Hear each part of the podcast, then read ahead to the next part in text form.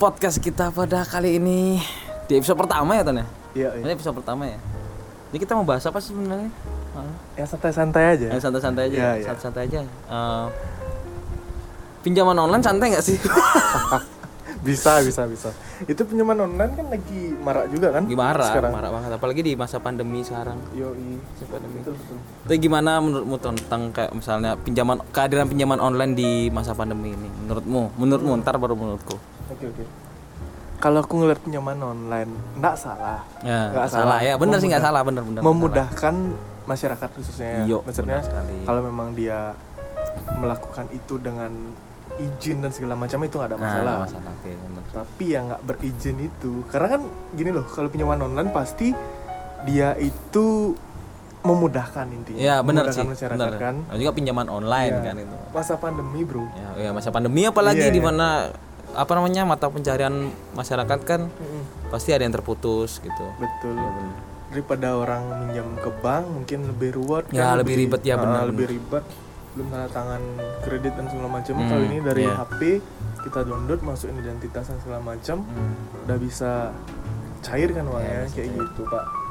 Jadi menurutku salah satu alternatif sih Hmm. alternatif pilihan masyarakat di masa pandemi. Cuman Nah, cuman apa nih? Ini menarik nih. Ini BTW ini Antoni ini sarjana hukum Bapak Hai. dan Ibu-ibu semuanya. hey, Sarjana hukum dan MKN ya. Gitu. Apalah saya seorang mahasiswa tingkat akhirnya tidak lulus-lulus. bohong, bohong, bohong. ya, ya. Ya, kalau misalnya tadi apa? Tentang apa? Itu pinjaman online. Enggak, cu. Apanya? Yang tadi. yang mana sih? Oh iya, Iya. tar, tar, aku ingat, ingat tentang gini alternatif. Nah, pinjaman online itu sebagai alternatif bagi masyarakat yang ada. Betul. Kalau alternatif ya jadi pilihan lah. Ya. Pilihan dari itu. Cuman eh, kadang kasihan masyarakat yang nggak ngerti tentang perjanjian itu gitu loh. Hmm, ya. Jadi oh iya iya. iya. agreementnya Nah, itu nggak dipahamin dengan Ya, dengan benar. Jadi agunan nggak isi, cuman Hmm. Get kontaknya mungkin ya atau apa segala macam. Hmm. Jadi ada kasus lah ke depannya mungkin ya. ya. Yang kayak gitu akan marak. Itu sih yang kasihan. Jadi bahaya, bahaya juga gitu. Oke. Eh, ada mungkin ada nggak orang yang kue kenal yang tahu, yang kue kenal kayak ya ter- dia terjerat lah ke pinjaman online ilegal ini. Gitu. Kita sebut Ada, saja ada, pinjaman online. Ada sih beberapa teman Nah, kita tidak usah sebut Ya, nama. ya, betul. Ada beberapa teman Ya. yang terjerat lah Ah, kasus pinjaman online. Karena gimana ya? Mereka nggak bisa bayar, nggak ada agunan otomatis apa yang dipakai untuk oleh-oleh gini lah, oleh perusahaan hmm. pembiayaan lembaga pembiayaan layanan peminjam uang itu pak. Ada berapa sih temanku yang kena? Akhirnya foto dia kesebar, ada pengancaman, Oh iya itu maksudnya pinjaman online itu jaminannya apa aja sih? Nggak ada jaminan pak. Ah. Setahuku ya nggak ada Tapi jaminan. kayak foto kesebar maksudnya kan uh, agreementnya gini foto kita juga ada KTP dan segala macam Oh iya benar-benar oh KTP ya tersebar iya, ya gitu ya. KTP habis Ah. itu kontak yang seluruh ada di HP kita jadi kesebar Oke. Ah, jadi dari sana iya, dia benar. Pak. Eh, karena dia kan aplikasi dari salah satu gini ya, maksudnya salah satu company ya sebut saja Google. Iya, iya, iya, betul. dari Play Store kan maksudnya iya. kita kan download download aplikasi dari Play Store. Jadi, oh, jadi pinjaman online tuh dari aplikasi Play Store gitu ya. betul betul jadi itu Oke. yang bahaya sih dan kita Hmm. juga perlu lihat kalau memang mau aman aman nggak masalah cuman harus lihat izinnya dulu dari OJK kan dari Hmm. OJK dan segala macamnya itu sih yang harus dilihat legalitas lah Oke. dari dari perusahaan Benar-benar. tersebut gitu Hmm, hmm, hmm. Oke oke oke oke. ngeri pak. Ya emang agak ngeri sih ya. nama Aku- baik pak. Iya bener. Oh, Soalnya kan aku pernah baca-baca berita juga Banyak sih baca-baca berita. Ya kebetulan juga Skripsi saya membahas tentang ini. Oh gitu. Oke oke oke. Iya bahas tentang ini. Jadi dari research yang udah Anggapannya yang udah aku Udah aku coba Dalam maksudnya perdalam ya Tentang Pinjaman online ini ya. Pi- Pinjaman online ini sebenarnya kayak Salah satu bentuk fintech kan ya Financial technology gitu kan. Nah Dan memang menurutku eh, Fintech ini eh, Fintech lagi oh, Sorry Pinjaman online ini Emang dibuat dengan tujuan yang baik. Iya, Yang seperti betul. Bapak Antoni katakan yaitu sebagai alternatif ketika masyarakat membutuhkan duit. Tapi sebenarnya menurutku ya menurutku pribadi ya eh, akan menjadi salah ketika eh, pinjaman itu hanya digunakan untuk eh, memenuhi bukan salah sih bukan bukan bukan menjadi Iya. salah sih kayak kayak sayang aja ketika hanya memenuhi kebutuhan tapi tidak di, di- apa ya diputar Hmm.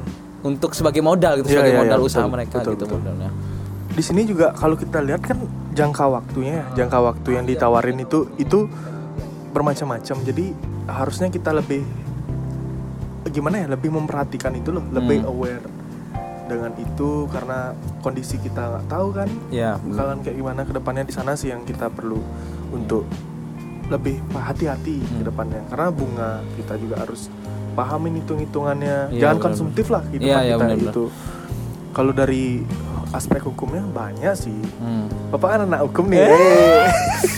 tapi saya belum lulus iya tahun ini pak sekarang amin Iya, ya iya.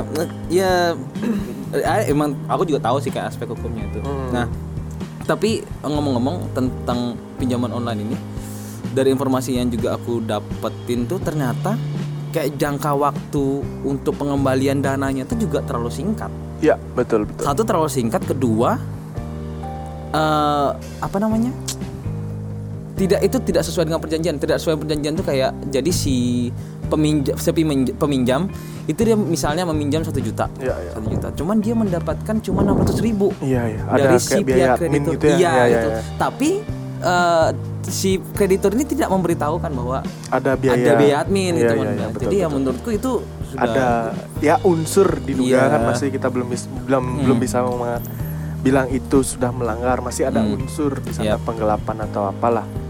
Di KUHP gitu itu sih yang bahaya jadi kalau teman-teman usahain janganlah untuk Iya, itu pinjaman online pinjaman jangan. online yang ilegal ya ilegal, Yang ya. ilegal. tapi kalau misalnya yang legal pun oke nggak sih kalau menurutmu kalau menurut saya iya oke cuman Oke.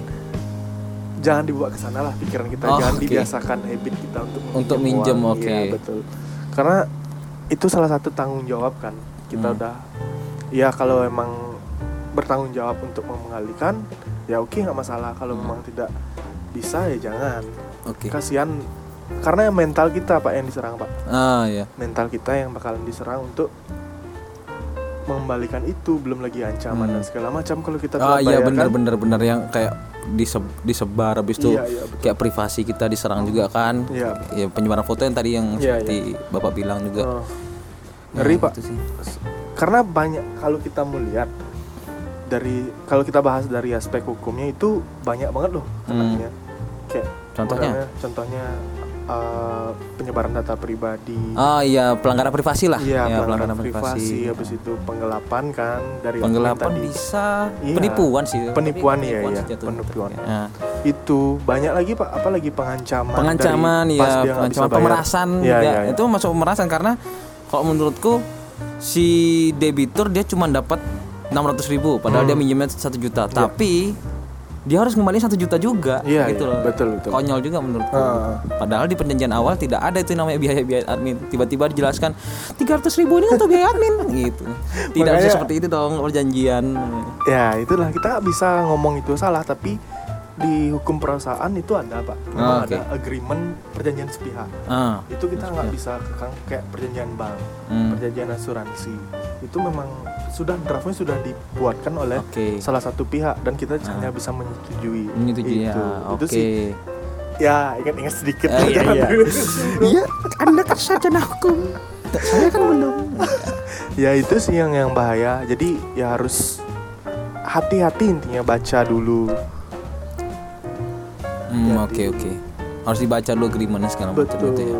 ngeri pak Ah, kita udah buat nama baik sekarang rusak gara-gara pinjaman online kan Hai, Sudah. Ya gitu. kita ngopi dulu bro Guys, kalau pak gimana pak kalau dari aspek eh, dari Hukumnya menurutku kan tadi sih. Bapak bilang skripsinya Pak tentang itu. Nah, oke. gimana? Jadi menurutku ya tadi kan sudah dijawab juga ya beberapa kayak tindak pidana yang yang ada di dalam layanan pinjam minjam uang berbasis elektronik ini ya. Wih, berbasis teknologi informasi. Sorry, Iya, kok iya. elektri- elektronik sih salah salah salah. Sekalian belajar untuk ujian Iya. Pak. Astagfirullah. Ya, mudah-mudahan ya. Mudah-mudahan bulan depan gitu saya sudah sidang dulu. Ya. Ya, kalau menurutku sih dari yang researchku juga ya gimana ya bilangnya? Ya tadi kan bapak menyinggung soal perusahaan kan tapi kalau misalnya kita mau bawa tentang eh, aspek perusahaan eh, dan juga ya kita kaitkan dengan perjanjian lah. Tadi kan perusahaan dan perjanjian kan. Nah dari awal karena layanan pinjam meminjam ini dia sudah ilegal menurut saya nih pak ya. Iya. menurut saya dan riset saya juga. Ya dia tidak mempunyai kedudukan hukum di situ. Ya tidak punya kedudukan hukum. Jadi secara tidak langsung perjanjian yang yang dilakukan oleh debitur dan kreditur itu pun tidak sah. Gitu. Iya bisa. Yes. Ya kalau itu dari Iya, researchku iya. gitu Iya, iya, betul, betul. jadi jadi menurut saya jadi dari pihak debitur pun ketika dia meminjam dia tidak mempunyai kewajiban untuk membayar lagi pinjamannya. Jadi dan tidak perlu takut ketika dia malah mengalami pelecehan pengancaman pemerasan itu tidak perlu takut. Jadi langsung aja lapor polisi gitu. Karena pada dasarnya dari awal si perusahaan ini sudah bodong. Iya iya sudah tidak sah di mata hukum. Itu sih kalau menurutku. Nah kalau lem- peran lembaga dalam ini kan yang kita tahu kan OJK nih. ya, Otoritas Jasa Keuangan, ya, benar. OJK di sini kalau menurutku juga punya peran penting nih ya dalam hal penting ini. banget itu otoritas hal jasa keuangan. Hmm. ada peraturan otoritas jasa keuangan kan di sana. Kalau nggak salah nomor berapa tuh? 66 ya? Enggak, PO eh, yang apa nih? POJK-nya. POJK nomor POJK-nya. 77 tahun, tahun 2016. 2016 ya. itu sih yang harus ditegain kan maksudnya ada sanksinya Diimplementasikan juga lah. di sana kan Ya. Tapi menariknya, Pak, Hmm? di POJK 77 tahun 2016 itu sanksi yang dikenakan oleh OJK itu sebenarnya hanya sebatas sanksi administrasi waduh yang Iya, iya. yang terberat dan sanksi terberatnya itu adalah pencabutan izin. Oke. Sedangkan kalau misalnya dalam pikiran pikiran saya Pak ya, Hmm. Pikiran saya tuh jadi ini kan dia kan udah perusahaan ilegal nih, perusahaan ilegal yang pada dasarnya dia udah tidak mempunyai izin gitu menurut. Nah, OJK bagaimana sudah mencabut bagaimana bisa mencabut izinnya padahal dari awal mereka tidak mempunyai izin kayak gitu loh. Menurut. iya, iya, Jadi menurutku ya sanksi administrasi administrasi itu tidak cukup Hmm. untuk menindaklanjuti perusahaan-perusahaan ini gitu. Iya, Harus ada sanksi pidana. betul Itu betul. sih. berarti kita bisa tarik sedikit kesimpulan Ah. dari tadi OJK hanya memberikan sanksi administratif Di di POJK Ah, 77 di- tahun iya. 2016 ya. Nah, jadi perlu sih ada pembaharuan atau pembuatan peraturan kan Ya peraturan benar, di hukum pidananya lah gitu. Iya, Hmm. jadi kita bisa berkutat di sana tanpa ngasih Ya, solusi kan. Benar benar benar. Solusinya itu ya emang harus Bapak DPR Tolong rancangkan undang-undang. Masukin lah prolegnas Iya Pak. benar benar. Iya tapi tapi benar kita emang harus harus menganggap ini suatu hal yang urgent. Permasalahan. Permasalahannya Iya, itu urgent banget karena banyak ba- udah banyak orang loh. Hmm. Udah banyak orang yang terjerat eh, pinjaman online ilegal ini. Iya, iya. Dan apalagi faktanya Pak ya. Heeh. Ini fak- tapi udah fakta tahun 2019 sih. Aku nggak tahu fakta terbarunya. Udah putusan. Enggak, bukan bukan bukan putusan ini maksudnya kayak fakta Oh, yang, di yang di lapangan, lapangan, gitu iya, fakta iya. di lapangan. Iya, iya. 2019 atau 2018. Oh. OJK eh OJK, fintech yang terdaftar di OJK Hmm. itu lebih sedikit daripada fintech yang ilegal. Oke. Jadi Iya, iya, iya. jadi jadi kayak ba- masih banyak banget perusahaan-perusahaan ilegal yang berkeliaran di luar sana gitu. Hmm. Yang tidak terdaftar di OJK dan bisa memainkan eh, aturan main mereka eh, se- Sesukanya, sesukanya iya. mereka Iya, gitu. iya. Jadi itu dah maksudnya eh, kita bukan hanya mengkritisi atau Hmm. apa. Jadi kita memberikan solusi, Memberikan solusi juga, juga, kan. iya. Di sana kita kasih solusi Bapak DPR. Lagi-lagi dong Bapak DPR. Lagi-lagi Iya. dengarkan suara rakyat ini. Eh, Iya, dengarkan suara rakyat ini Iya. untuk memberikan salah satu pembaruan hukum lah Hmm, iya benar. Yang di mana diperlukan oleh masyarakat. Karena hukum yang baik hukum yang hidup di masyarakat, Wah, Bro. Saya suka itu. Emang Ma, Anda ini memang pantas menjadi sarjana hukum Anda. Pantas sekali. Ya, ya, ya. Iya, iya. Ya, oh, i- oh iya dan juga fakta juga nih.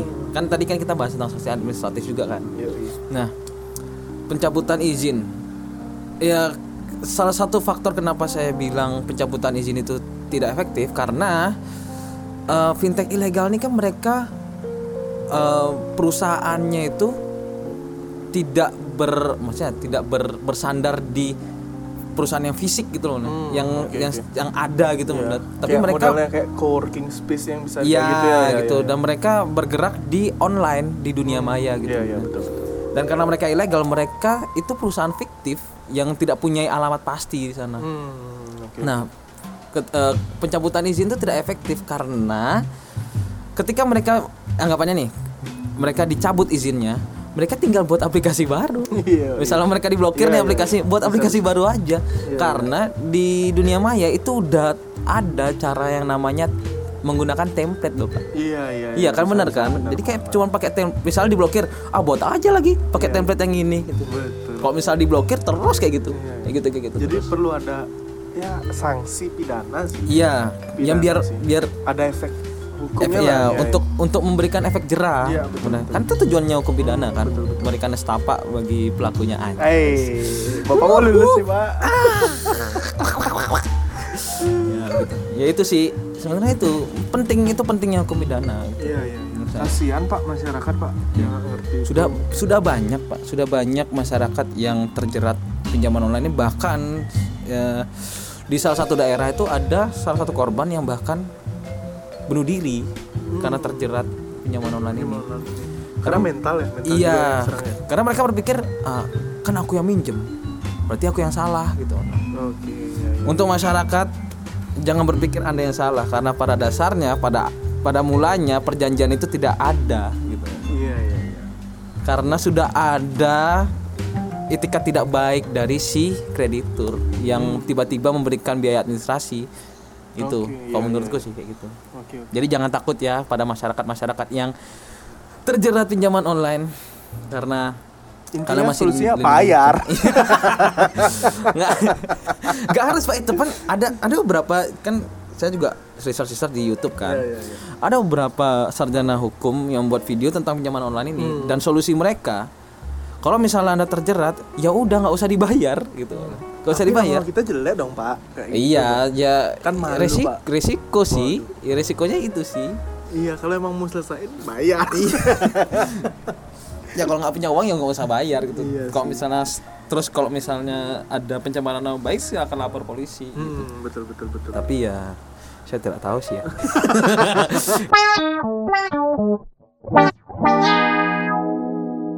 Aduh, ini agak sensitif ya, aduh, jangan. udah, udah, ya. udah, Oke. stop, stop. Sudah makin berat nih bro. Makin berat. Makin malam makin berat. Ya itu sih. Jadi solusi kita tadi apa aja? Itu dah pember- eh, pembaruan hukum sih. Baruan hukum pidana gitu Khusus ya. loh. Yang spesialisnya Iya. ada yang Iya benar. mengatur itu Undang-undang yang mengatur untuk Iya. mengoptimalkan kinerja Betul, OJK betul. sendiri kan Iya, gitu. OJK juga bisa Iya. bentuk divisi khusus Iya benar. Divisi khusus. untuk menyelesaikan sengketa itu gitu. Hmm. Maksudnya bukan di dalam OJK itu dibuatlah sebuah bagian lah untuk Hmm. penyelesaian sengketa seperti ini gitu pak. Oke. Kalau memang mau menjalankan uh, peran dari OJK itu gitu sih Iya iya benar benar. bisa diselesaikan dengan itu dan pembaruan hukum. Iya. Pak, tolong buatin pak. pak DPR. aspirasi pak aspirasi. Oke mungkin segitu dulu ya topik kita yang pertama ya Yoi. di Slentok episode pertama. Slentok episode pertama. Sebenarnya ada. Di episode kedua sebenarnya. Slentok Oh. episode pertama tuh ada. Oh, udah ada ya, udah ya, ada. ya, ya. cuman ya males digarap. Karena tidak jelas. Jadi udah, itu aja untuk episode kita pada hari ini. Berha- eh, kita berharap eh, apa yang kita bahas ini bisa berfungsi ya. Bisa bermanfaat lah ya Iya. untuk masyarakat yang mendengarkan uh, podcast kita pada episode hari ini. Itu aja. Oke, sekian dulu. Terima kasih. Sampai jumpa di episode kita yang selanjutnya. Siap.